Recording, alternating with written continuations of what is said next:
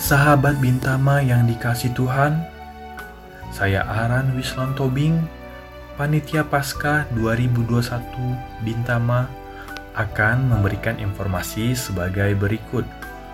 Sahabat Bintama, hari ini adalah tiga hari terakhir masa puasa dan pantang yang kita bersama perjuangkan selama 40 hari semenjak Rabu Abu 17 Februari 2021 yang lalu.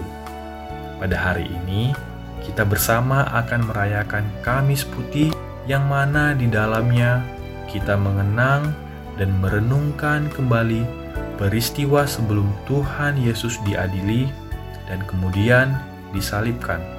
Pada perayaan Kamis Putih kali ini, kita akan bersama menghayati kasih Kristus yang berkenan merendahkan diri untuk membasuh kaki murid-muridnya.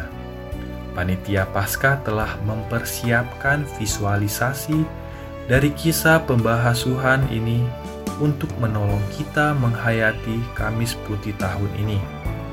Maka, marilah bersama kita mempersiapkan hati untuk mengikuti ibadah online Kamis Putih yang akan diselenggarakan hari ini dan disiarkan melalui YouTube GKI Bintama pada pukul 19.30 WIB.